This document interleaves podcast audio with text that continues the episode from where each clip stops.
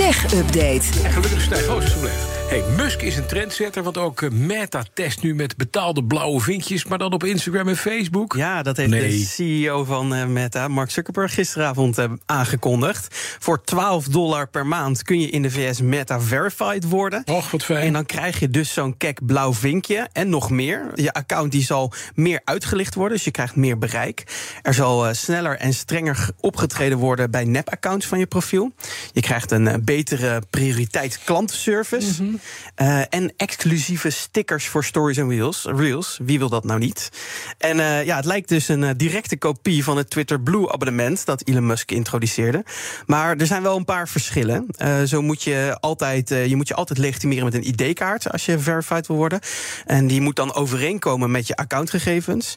En er wordt door Meta dan ook meer gefocust op de authenticiteit van de accounts. Terwijl bij Twitter veel bots en nep-accounts een vinkje wisten te krijgen. En het is, Meta, het is bij Meta zelfs niet mogelijk om zomaar je accountgegevens te veranderen nadat je een vinkje hebt gekregen. Stel je wil je nieuw profielfoto installeren, dan moet je die hele verificatiecheck weer opnieuw doen. En een stuk duurder dan bij Twitter dus. Nou, Ja, ja een paar daar is dollar. 6 dollar geloof ik? Nee, Dat 8 is dus dollar is het dus het bijna twee keer zoveel. Oké. Ja. nee, maar is dit dan voor iedereen bedoeld of alleen voor...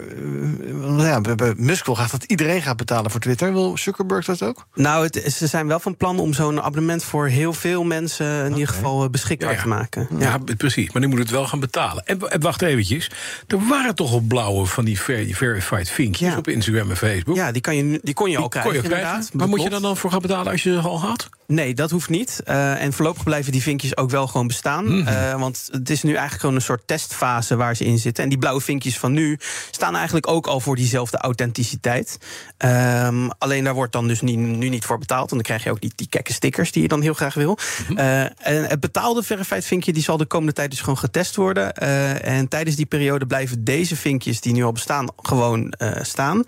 Eh, op dit moment kun je zo'n abonnement alleen in Nieuw-Zeeland en Australië krijgen. Later zullen ook andere landen volgen. En voor bedrijven, dat, zou natuurlijk ook handig zijn, meer bereik voor bedrijven met zo'n blauw vinkje, is zo'n betaald vinkje nog niet een optie, maar daar wordt wel aan gewerkt volgens Zuckerberg. Ze willen een heel pakket gaan samenstellen voor allemaal verschillende soorten mensen en bedrijven. En hun vinkjes, ja. Dan gaan we naar Microsoft. Het trekt de beugels aan van de AI-chatbot in Bing. Ja, dat is misschien maar goed ook. Want vorige week ging het in Techland bijna niet anders dan over de AI-chatbot die na 15 vragen volledig ontspoorde. Eh, dan werd de, de veranderde de chatbot in een soort boze tiener en klopte antwoorden niet meer met de feiten. Of werden gesprekken een stuk minder netjes. En daar heeft eh, Microsoft dan nu dus een, stukje voor, een stokje voor gestoken. Eh, je kan eh, maximaal nog maar vijf vragen per sessie stellen aan de chatbot. En je mag maar 50 chatbeurten per dag starten. Dus als je echt al verslaafd was, dan wordt dit eh, afkicken.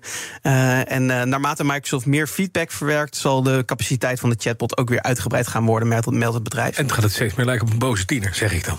Ja, of, ja, Ja. precies. Ja, wel- wellicht. Eh, op dit moment heeft nog niet iedereen toegang tot de chatbot in Bing. Miljoenen mensen die staan nog op de wachtlijst. De eerste gebruikers die stuiten in ieder geval op heel veel kinderziektes. En Microsoft laat met deze ingreep in ieder geval zien dat, de, feedback, dat het de feedback serieus neemt. En ook Google's Is nog niet openbaar beschikbaar. Er wordt ook nog flink eh, mee getest. Het is eh, nog maar de vraag of de AI's binnenkort wel betrouwbaar zullen zijn. Want het opvoeden van de AI blijkt voor Microsoft en Google een lastige klus dan gedacht. Precies. Dan heeft Apple een geheim AI-evenement georganiseerd afgelopen week. Wat, wat, wat, wat, wat, gaan de, wat voor geruchten gonzen daaromheen? Nou, er, waren heel veel media die zaten van... eh, nou, komt er dan nu ook een chatbot van Apple? Ja. Maar dat lijkt er voorlopig niet op. Het was een intern AI-evenement voor medewerkers van Apple.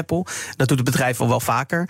Eh, maar bijzonder was wel dat dit het eerste fysieke evenement was... na corona voor de medewerkers.